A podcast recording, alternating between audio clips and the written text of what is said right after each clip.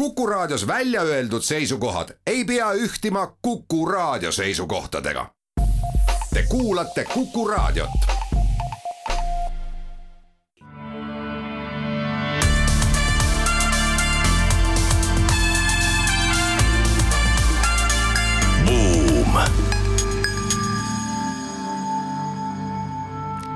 tere päevast, on kaheksas juuni aasta kaks tuhat kakskümmend kaks, oleme taas eetris Buumi saatega, saatejuhid Anto Liivat ja Ott Pärna. tänaseks esimeseks arutelu teemaks äh, on tõsiasi, et neliteist aastat Facebooki juhtinud Sheryl Sandberg paneb ameti maha samal teemal jätkates arutleme selle üle, et miks on startupide nii asutajate kui juhtide ringis nii vähe naisi ei saa taas üle ega ümber Teslast, räägime sellest, et Elon Musk lubab lahti lasta kuni kümme tuhat töötajat, väidetavasti on nii. jah, see on teema, millega siis härra Paindel kuidagi rahul, rahu ei saa. Ehm, aga jätkame sellega, et kuidas siis selles muutuvas maailmas firma strateegia paika saada. ja meil on ka saatekülalised, SmartCapi juhatuse liige ja fondijuht Sille Pettai ning roheettevõtja Rufit Solar asutaja Andres Anijalg. räägime nendega rohelistest investeeringutest ja riskikapitali kaasamisest.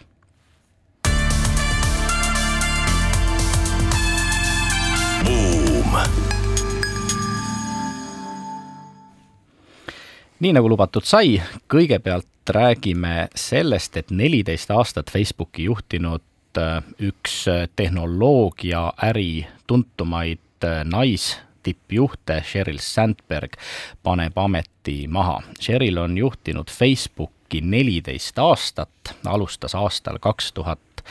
kaheksa, kui temal oli vanust kolmkümmend kaheksa aastat ja Mark Zuckerbergil kakskümmend kolm kui sa, Ott, lubad siia algusesse väikese meenutuse, siis äh, aastal kaks tuhat kuus oli Facebook kaks aastat vana ja mina tulin tagasi Ühendriikidest Georgetowni ülikoolist, kus oli minust saanud ka värskelt Facebooki kasutaja, see oli selline Ühendriikide ülikoolide tudengite suhteliselt kinnine äh, või, või lausa kinnine äh, grupp. Eestis kasutati tollel ajal valdavalt Orkuti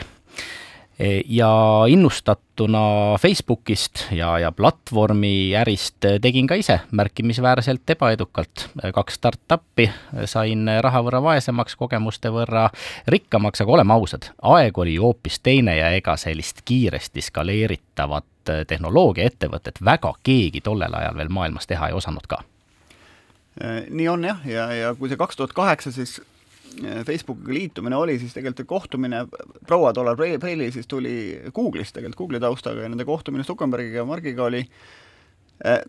suhteliselt familiaarne olnud ja, ja teemaks oli olnud põhiliselt see, et kuidas siis Zuckerberg, kellel puudus igasugune juhtimiskogemus, et üks küsimus, mis siis oli esitatud, oli selline, et, et kuidas sa tegelikult meeskondi skaleerid. sest Facebook oli nii-öelda kasvu ees ja tal oli vaja kedagi, kes aitaks tegelikult korporatiivses mõttes seda ettevõtet ehitada ja seda on siis äh, viimane nel-, neliteist aastat tehtud.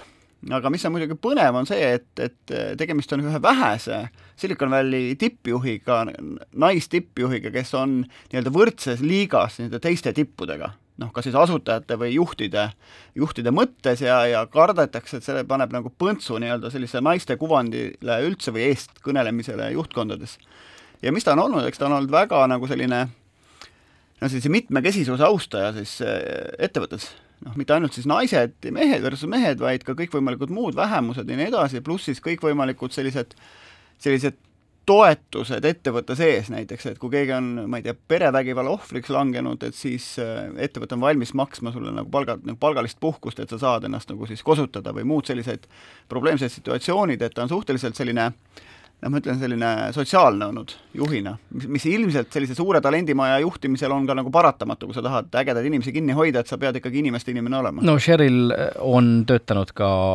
Clintoni, Bill Clintoni administratsioonis ja mängiti ju mõttega, kui Hillary kandideeris äh, demokraatide presidendi kandidaadina, et, et juhul, kui Hillaryst saaks Ühendriikide president või oleks saanud, siis oleks Cheryl olnud tema meeskonnas kaks tuhat kolmteist avaldatud raamatuga Naised, töö ja tahe juhtida sai temast tõesti võrdse kohtlemise ikoon ja, ja eestkõneleja. seevastu Mark Zuckerberg oma paljude just viimase aja sammudega on pigem ujunud Sherili ideoloogilise agendaga vastuvoolu, et kuigi nüüd Zuckerberg tunnustas Sandbergi selle eest, et Äh, too ehitas üles Facebooki reklaamiäri, tõi sinna ettevõttesse palju äh, tublisid inimesi, kujundas ettevõtte kultuuri ja, ja tegelikult ka õpetas Zuckerbergile, kuidas üldse ettevõtet äh, juhtida, siis äh, Zuckerbergi uus plaan äh,, kõik see, mis metaverse'iga või, või äh, virtuaalreaalsuse juurutamisega seondub ja tehisintellekti rakendamisega, on jälle teistsugune kui see, mida on rääkinud äh, Sandberg, sealhulgas siis vajadus rohkem kontrollida kõike seda, mida Facebookis avaldatakse jah, et, et selle Sherili lahkumisega, noh, Zuckerberg on öelnud, et üks selline ajajärk Facebookis saab mööda, mida tavaliselt juhtide lahkumisel ei öelda, ehk siis, et, et midagi murrangulist seal taga ilmselt on. no see, et nad toimetasid nagu hea ja halb politseinik koos ettevõtet juhtides, seda ikka tehakse, sest et sul on vaja tegelikult nagu seda mõlemat poolt, eks. Et, et aga, aga millega siis proua tegelema hakkab, kes on viiekümne kahe aastane hetkel, noh, ta kunagi jah ütles seda, et ta nagu Facebookis jätkab, aga poliitikasse ei lähe või, või presidendiks ei kandideeri või sinna suunas liikuma ei hakka, noh, nüüd on esimest poolt on ta söönud, ehk siis Facebookis ta ei, ei jätka. et, et võimalik, et on teiselt poolt siis potentsiaalne ikkagi poliitilise tuleviku teema ja seda enam, kui me vaatame USA-s ja demokraate, on ju, noh, tegelikult ei ole neil selles mõttes selliseid viiekümnendates naisi, et, et demokraatlikuks presidendikandidaadiks vähemasti eelvalimiste kontekstis võiks täiesti sobida ja ma, ma üldse ei sööks mütsi ära, kui ta seda teed läheb. mis on muidugi veel oluline, on see, et ta kaks tuhat viisteist mattis oma mehe maha ja, ja ta väidetavalt olla uuesti abiellumas, ehk siis tahtva, tahtvat rohkem siis oma sellele abielule nagu aega pühendada, aga teine, et ja lastele. aga teine teema on see, et tal on endal siis selline foundation, ehk siis, et ütleme noh, rikkad, rikkad inimesed, kuidagi nad oma seda mammonat peavad investeerima, tihti nad endale sellised perefondid teevad. Ja need fondid, noh, Bill ja Melinda Gates, kolmkümmend kolm miljardit dollarit kunagi oli fond, on ju, täna veel suurem, et, et ühesõnaga selliste fondide raha investeerimine eh, on ka su-, jupp tööd. Ja selles mõttes natuke sellist rantieelu elades on, on, on see päris hea roll ja ta on ka jätkuvalt ühiskondlik roll. muidugi kritiseeritakse ka äh, Sandbergi ja, ja just äh, seetõttu, et ta ikkagi on äh, lasknud Facebookist või, või Metast saada parem konservatiivide mänguväljaku, mis siis kriitikute sõnul on platvorm rassistlike sõnumite ja valeinformatsiooni levitamiseks, nii et tema poliitikasse siirdumine, kui see peaks teoks saama, ei saa olema kindlasti kriitika eh, noh, Venemaa sekkumine Ühendriikide presidendivalimistesse ja Facebooki roll eh, selles, kõik need teemad kindlasti eh, tõstatuvad siis, siis taas. aga ma inimlikult saan väga aru, et kui Sheryl oli neliteist aastat Facebooki eesotsas ja järgmine arenguperiood äh, saab olema reklaamiäri mõttes hoopis, hoopis teistsugune siis inimese jaoks, kes selle ettevõtte kogu teekonna tegi äh, kahesaja miljonilise käibe juurest täna enam kui saja miljardilise käibeni kaasa seda ehitas ja koordineeris, ei pruugi olla enam kuigi atraktiivne perspektiiv, sest saab olema pikk teekond, noh, viis-kümme aastat jälle no nii on jah, ja ütleme, sellesama teema, millega me alustasime ka võib-olla lõpetuseks, on see, et ikkagi me räägime kahest protsendist naistest startup'ide eesotsas, kes on siis äh, viimasel perioodil kapitali tõstnud. ehk siis, et äh, noh, ütleme ühe sellise eestkõneleja kadumine tehnoloogiafirmade mõttes on, on kindlasti nagu noh, sellele poolele, poolele pigem nagu kahjulik teema, et hästi maskuliinne see vald-, valdkond on ja, ja ütleme, midagi paremuse poole siin ei liigu. aga sellest räägime kohe edasi pärast reklaamipausi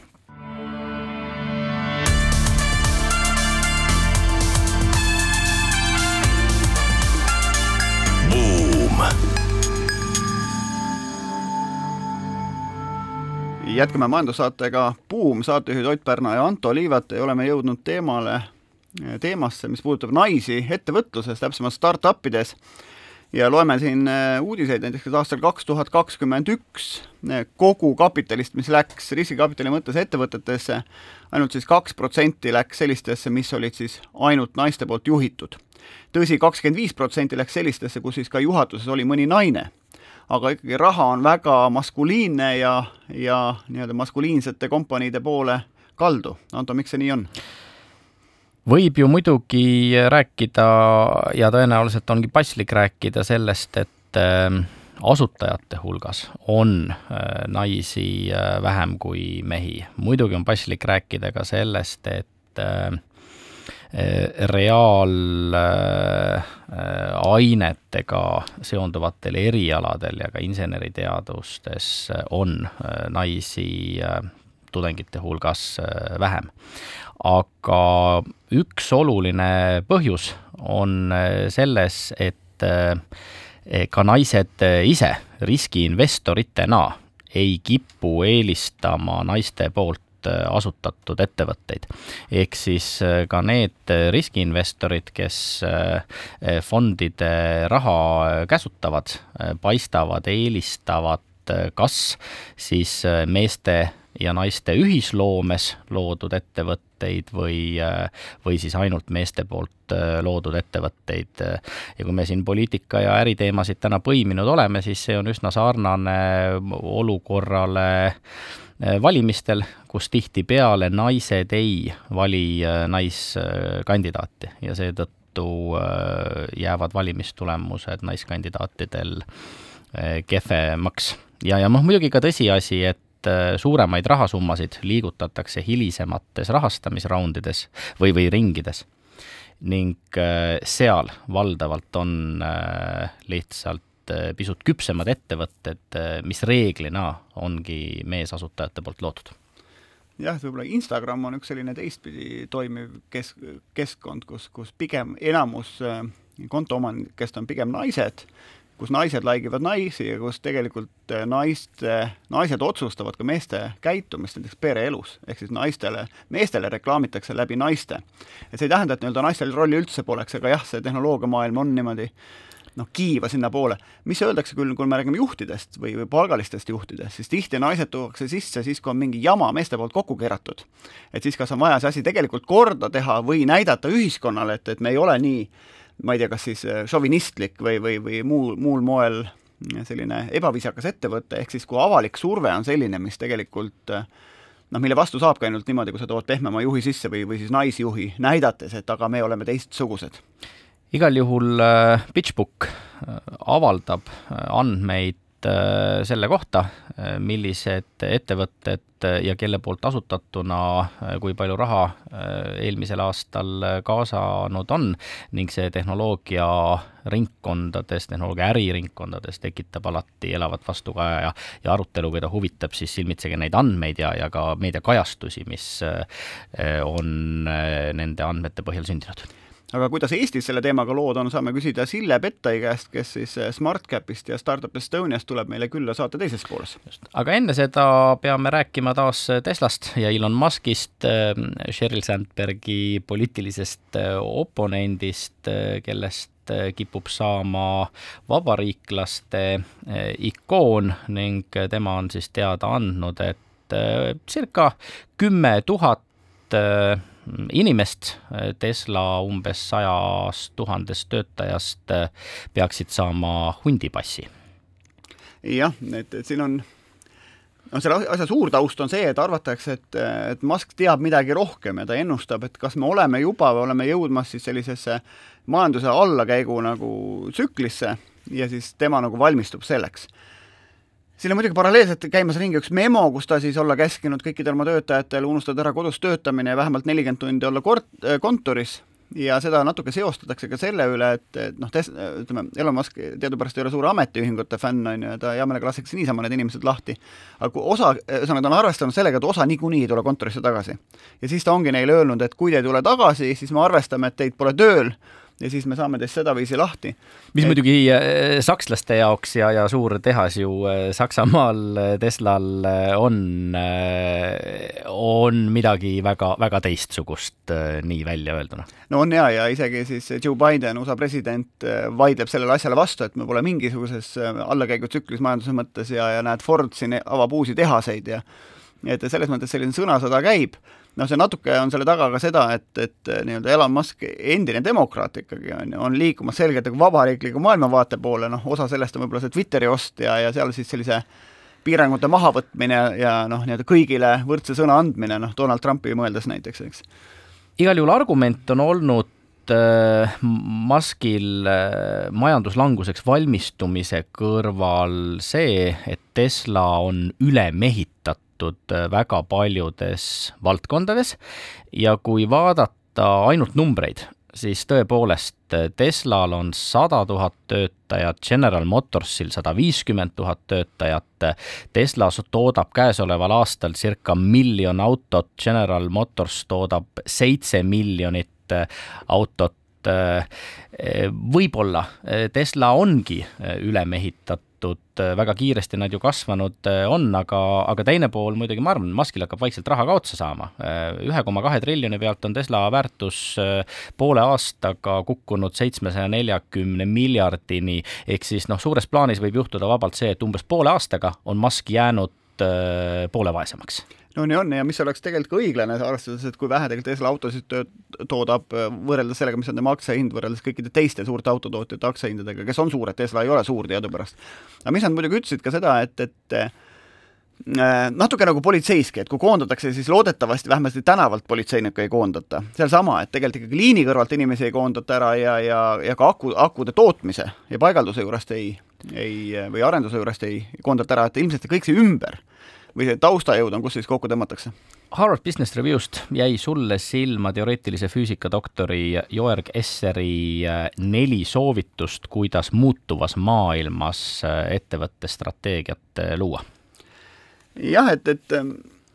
mul on tunne, praegu kui lugeda neid igasuguseid strateegiajutukesi, siis kahest asjast räägitakse, et, et sul peab olema nagu mingisugune suur küsimus, mida sa lahendad või mingi suur visioon või selline maailmaparanduslik ambitsioon, aga teisel pool sa pead olema isegi jube detailides, et tee midagi konkreetselt ära, müü midagi konkreetselt maha, et ära jää nagu seal õhus rippuma oma nende, nende plaanidega, et, et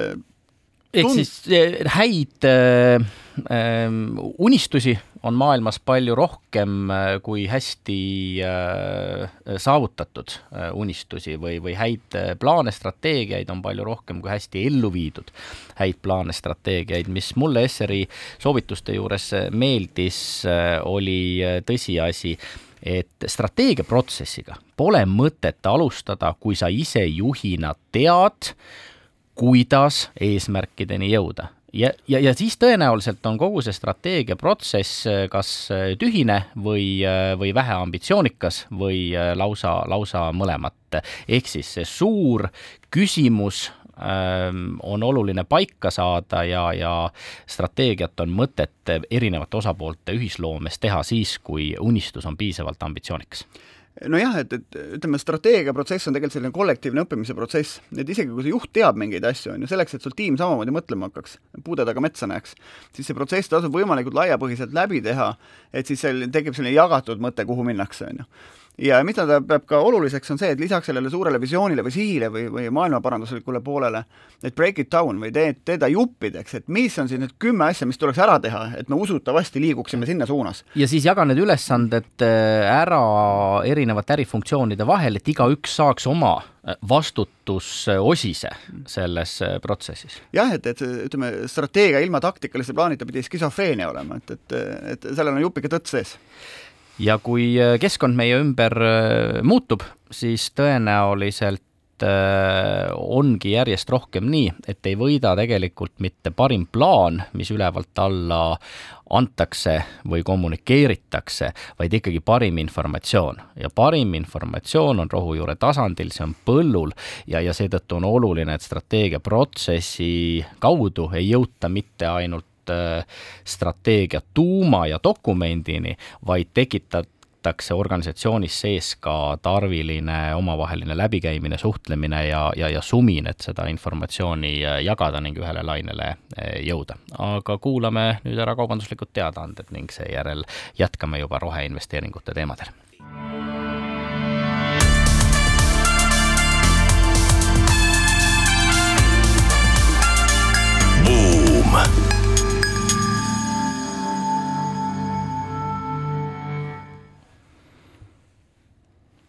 oleme tagasi Buumi eetris, saatejuhid Anto Liivet ja Ott Pärna ning nüüd vestleme meie külalistega roheinvesteeringute ja riskikapitali kaasamise teemadel ning külalisteks on meil SmartCapi juhatuse liige ja fondijuht Sille Pettai ning roheettevõtja Rufit Solar asutaja Andres Anijalg. tere tulemast Äh, ja küsin Sille sinu käest alustuseks kohe ära, äh, mis on äh, SmartCap ja milliseid ülesandeid SmartCap täidab? tere, aitäh kutsumast! SmartCap on riigi raha investeeriv fond, investeerime seda riskikapitali valdkonda, turusegmenti ehk siis äh, nii-öelda startup idesse ja ennekõike teeme me seda läbi riskikapitalifondide, ehk me eelistame mitte investeerida otse ettevõtetesse, vaid alustavatesse fondivalitsejatesse, kes siis omakorda investeerivad Eesti startup idesse. ja, ja täna on meie valitsemise all seitsekümmend miljonit eurot ähm, sellist üldist või generalistlikku strateegiaga riskikapitali raha ja äsja turule tuleb ka sada miljonit eurot rohetehnoloogiatesse investeerimiseks. And-, Andres Rufit Solar on siis tõsine konkurent äh, Elon Muskile ja tema päikesekatuste äh, ärile, oled sa minuga nõus? tegelikult äh, Elon Musk on meie kõige parem müügimees siiamaani, sest kõige rohkem päringuid meie nii-öelda päikesekatuste kohta, mida me siin Tallinnas toodame, tulebki tegelikult Ameerika Ühendriikidest, kus Tesla oma päiksekatuseid müüb ja lihtsalt, kui keegi hakkab nii-öelda seda Tesla päikesekatust otsima, siis ta paratamatult jõuab meieni välja varsti. aga jah, meie oleme siis rohetehnoloogia idu Eestis toimetanud kuus aastat, toimetame päiksekatu-, toodame päikesekatuseid, mille me siin Eestis ise oleme välja öö, mõelnud ja, ja vaikselt nüüd laie, laieneme nii Rootsi turule kui ka Saksa turule oma müügivõrgustikuga ja tegelikult meil katuseid on juba kolmeteistkümnes riigis. Nii et äh, huvi on kindlasti olemas ja Euroopa Liidu poole pealt ka sundlus tegelikult sellist asja teha. Jah, et, et siis kõrvaltvaatajana natuke täpsustan kogu seda riskikapitali teema, et seal on jah, siis kahte sorti nagu fonde, on fondifondid, kes investeerivad siis nendesse fondidesse, kes lõpuks investeerivad nendesse lõpp-projektidesse, näiteks Roofit Solarisse ja on siis otseinvesteerimisfondid. ja fondi, fondid on nagu limited partnerid tegelikult siis nendes või noh, nii-öelda väiksed investorid nendes otseinvesteerimisfondidesse ja tegelikult see SmartCap alguse sai ju äh, pigem otseinvesteeringute fondina. esimene portfell oli ka ju otseinvesteeringud, mis tähendas, seal olid ju GrabCAD ja teised sellised vahvad Eesti, Eesti startup'id ja mingi hetk siis äh, mindi fondi, fondi poole edasi, leiti, et meil on piisavalt selliseid noh, fondivalitsejaid turul, ehk siis kasvanud välja äriinglite tiimidest ja nii edasi, kes suudavad ise fondi kokku panna, sinna ise raha panna ja kaasata siis neid enda limited partnereid oma rahaga, ja kui selliseid turul juba on, siis noh, riik astus sammu tagasi ja jäi siis fondi investeerijaks. SmartCap on lubanud rohefondi kaudu, mis on tegelikult Euroopa Liidu äh, taasterahastu äh, raha, paigut-, kasutada omakapitali investeeringuid kuni aastani kaks tuhat kakskümmend kuus äh, Eesti ettevõtetesse saja miljoni euro ulatuses. mida see rohefond endast täpsemalt kujutab ja millist probleemi te seekaudu lahendate? sa tegid hea äh, sissejuhatuse sellesse, et me tegutseme fondi fondina. Fondi fondi nagu üks olemus, eriti riikliku äh, fondi, fondi olemus äh, ja ülesanne on arendada kapitaliturgu, pakkuda seda nurgakivi või ankuriinvesteeringut riskikapitalifondidele, olla esimene julge, kes käärib käised üles äh, ja, ja teeb selle valiku investeerimise otsuse, et siis tõmmata juba ligi erainvestorite, erainvestoritelt täiendav raha riskikapitalifondidesse ja seda, täpselt sedasama ülesannet läheme me täitma ka äh, rohefondiga, et, et tegelikult tekiks siia ähm,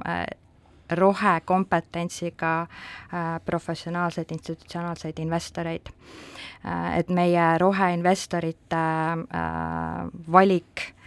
suureneks äh,, nende investeerimisvõimekus suureneks.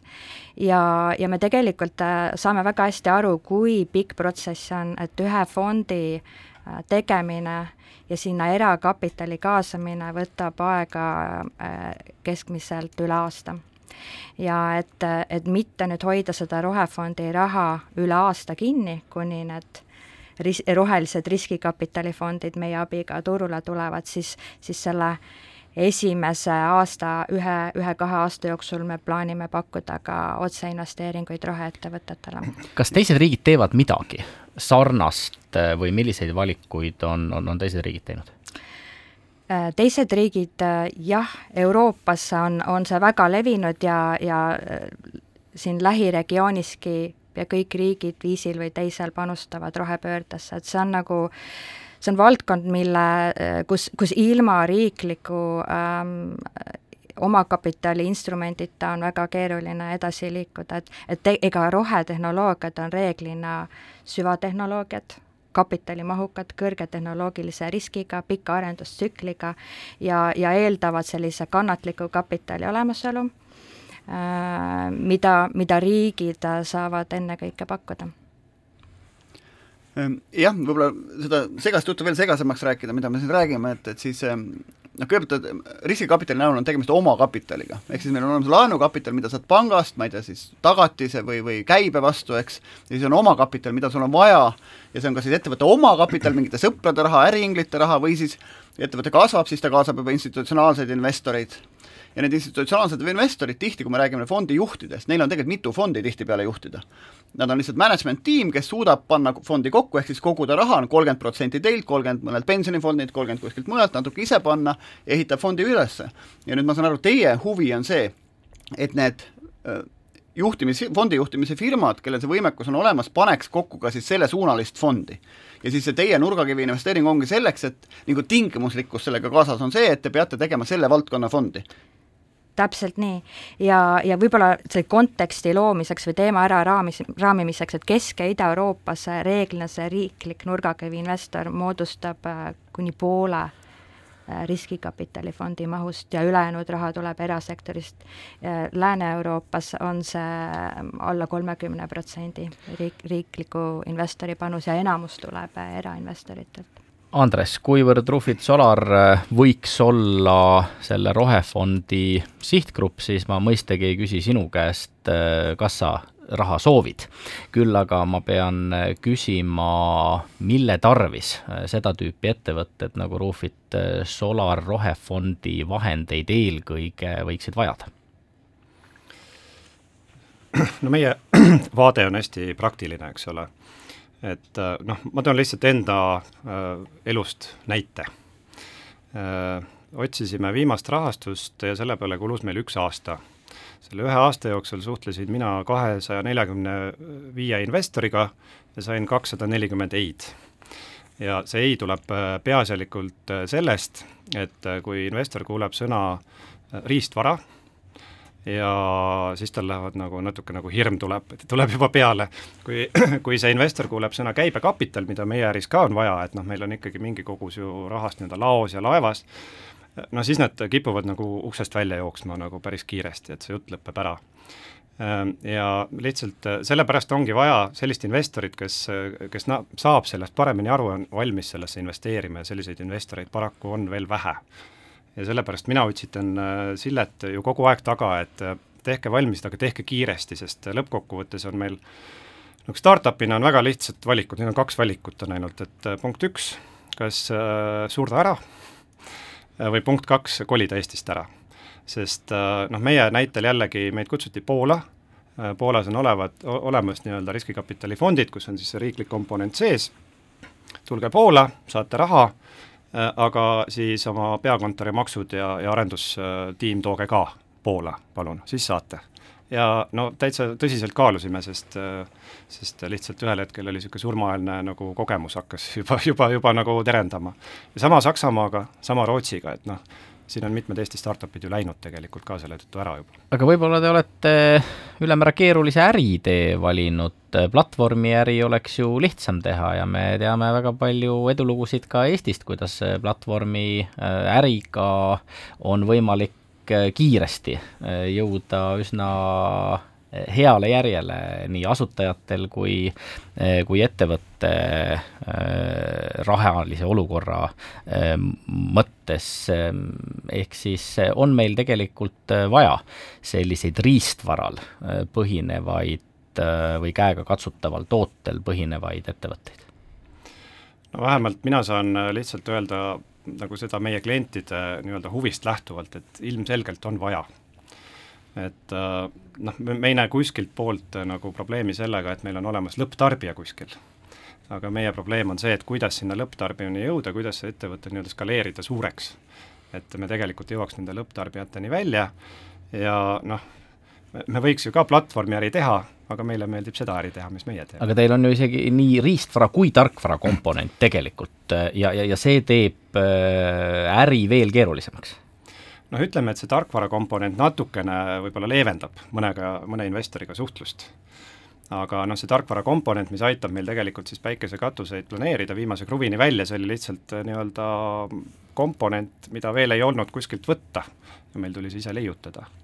ja noh, tundub, et, et see tarkvaratükike võib tegelikult äh, ühel hetkel kasvada ka sealt eraldi äriks välja tegelikult.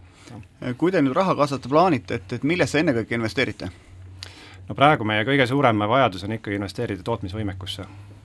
et noh, me praegu Tallinna lähedal oma, oma tehases suudame toota niisugune viissada kuni tuhat katust aastas ja, ja see tehas jääb meile järgmisel aastal juba väikseks tegelikult. ja me tahame teha kümnekordse nii-öelda suurenduse oma tehasele efektiivsemaks, odavamaks. aga ma küsin niipidi, et, et ma tean seda tehast, seal on Harku, ennem Harkut, pärast Õismäed, eks, et vahva maja teil seal, et et kuidas see ärimudel nagu töötab, et kui see klient on olemas, kes on, tahab sellist katust ja kui see katus tõesti elektrit toodab, et ja, te ehitate tehaseid juurde, et miks seda la laenukapitaliga teha ei saa? seda võiks Oda, raha odavam ju. jah, väga hea meelega võtaks laenukapitali, sest äh, nii-öelda omakapitali investor ju, ju lahjendab kogu aeg meid väiksemaks ja väiksemaks osanikuks selles ettevõttes ja ühe, ühel hetkel tekib see motivatsiooni küsimus juba, et miks me seda teeme, aga siiamaani me ei ole äh, laenukõlbulikud veel, et meil ei jää nii-öelda joone alla midagi. kuulame ära kaubanduslikud teadaanded ning seejärel vestleme Sille ja Andresega edasi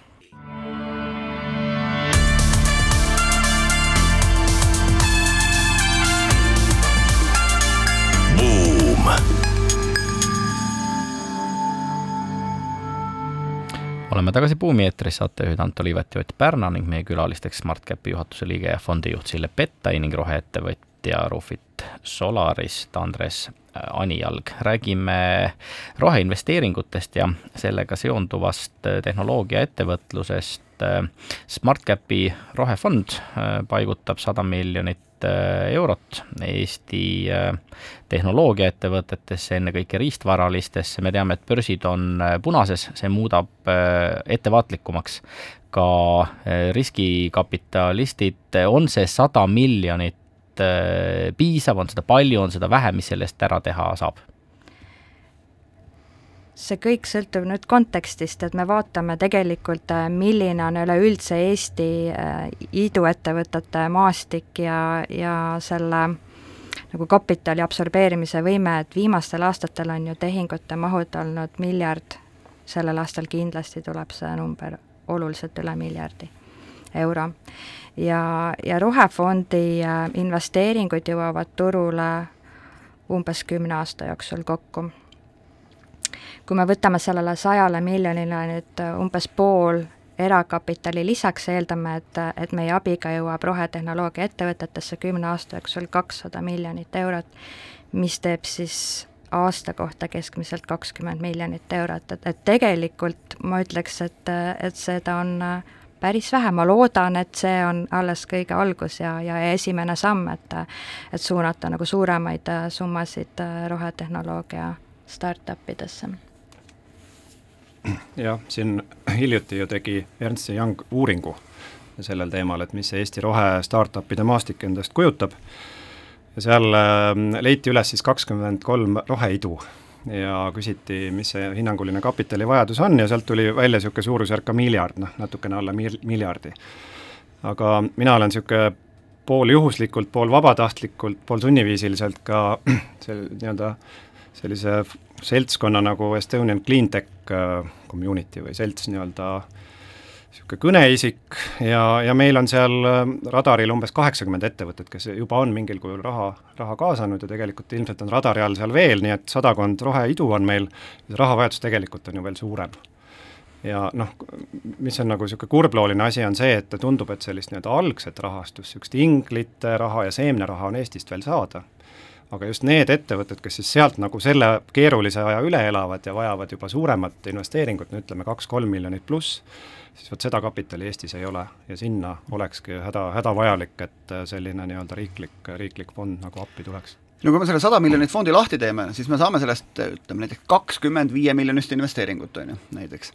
ja, ja või siis nelikümmend kahe poole miljonist investeeringut, mis iseenesest ongi sellise nii-öelda varase faasi riskikapitali mõttes nagu sellised okei okay investeeringud, et kui me räägime juba kasvukapitalist, ilmselt see siis ärimudel on ennast tõestanud, eks, et, et mingid mahud on saavutatud, et siis võib-olla võib see kapital vahel tuleb ka Eestist väljas ja mingi hetk saab ikkagi teda võimendada ka laenuga, just mis puudutab selliste noh, ma ei tea, tehaste ehitamist lõpuks, eks.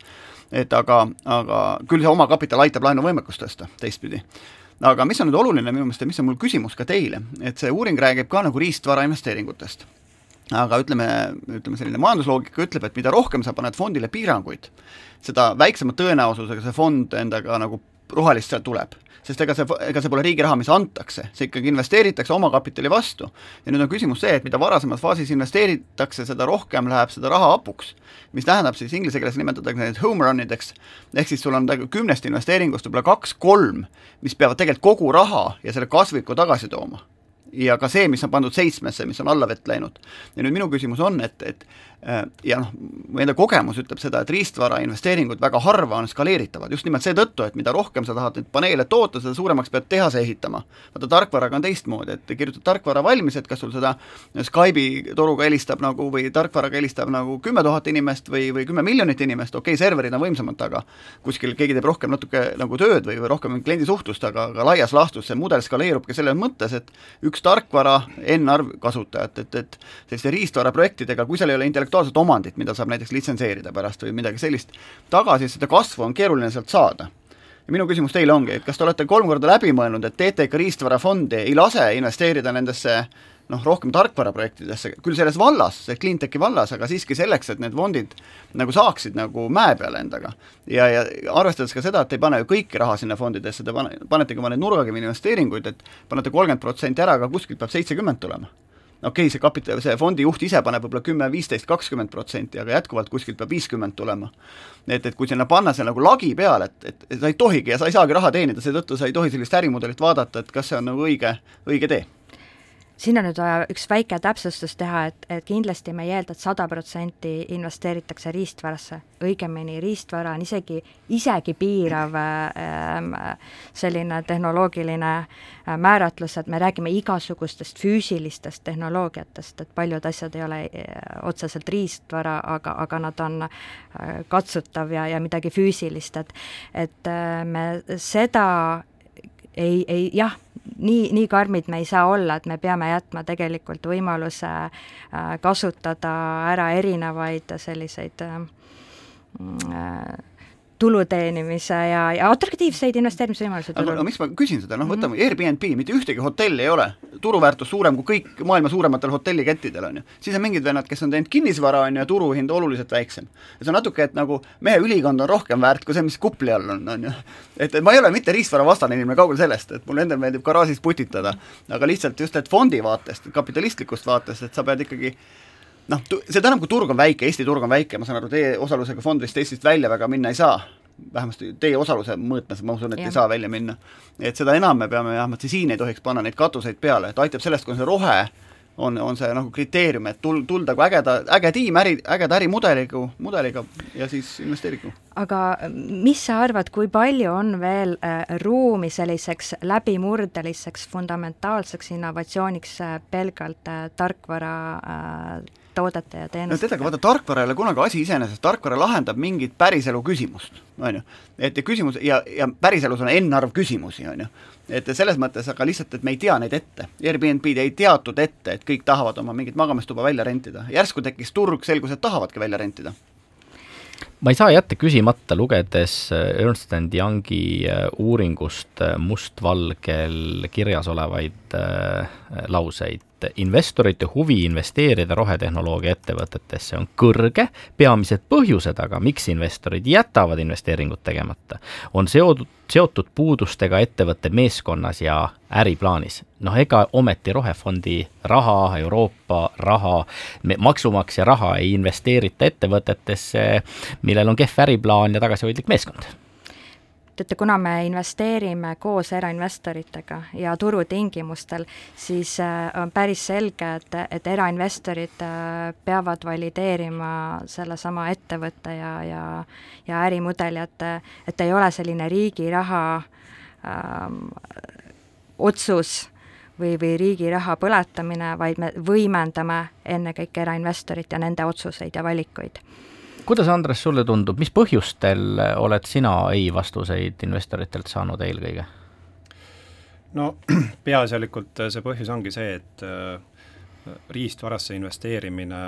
ei tundu olevat sellise skaleer-, skaleer-, skaleer-, skaleeritavusega, nagu on tarkvara.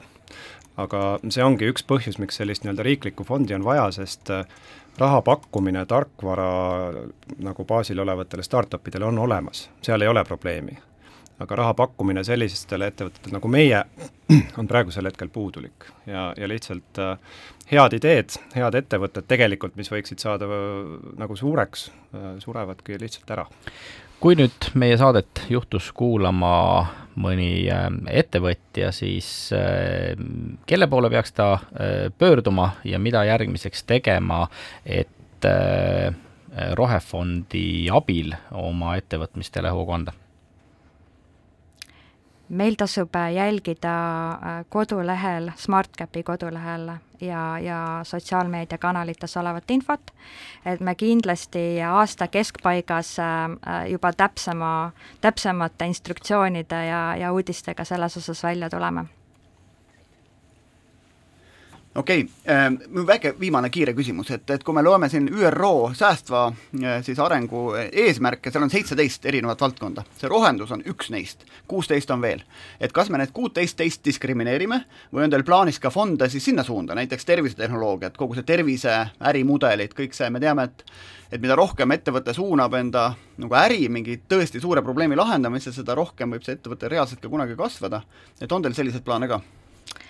ähm.? Ma ei välista seda, et äh, tegemist on äh, valdkonnaga, mis äh,, mis ka koroonakriisi järgselt on väga palju tähelepanu saanud, kõigile on arusaadavad äh, seal, seal tervisevaldkonnas olevad väljakutsed ja, ja samamoodi äärmiselt keerukad, kapitalimahukad ja aeganõudvad arendusprotsessid. Nüüd on see küsimus meie investorkonnale ja, ja riigi ambitsioonile, et, et kas äh, kas me hakkame seal liikuma Eestis või ähm, või vajame veel aega, et äh, buumisaade valmisolekut luua? buumisaade igatahes soovitab liikuma hakata. Aga, aga meie saate aeg tänaseks on ümber, aitäh Sillele ja aitäh Andresele külla tulemast, oleme eetris taas nädala pärast kell üks, äh, teema on hetkel lahtine, võimalik, et krüptoraha, aga seniks head kuulamist, aitäh! tänud!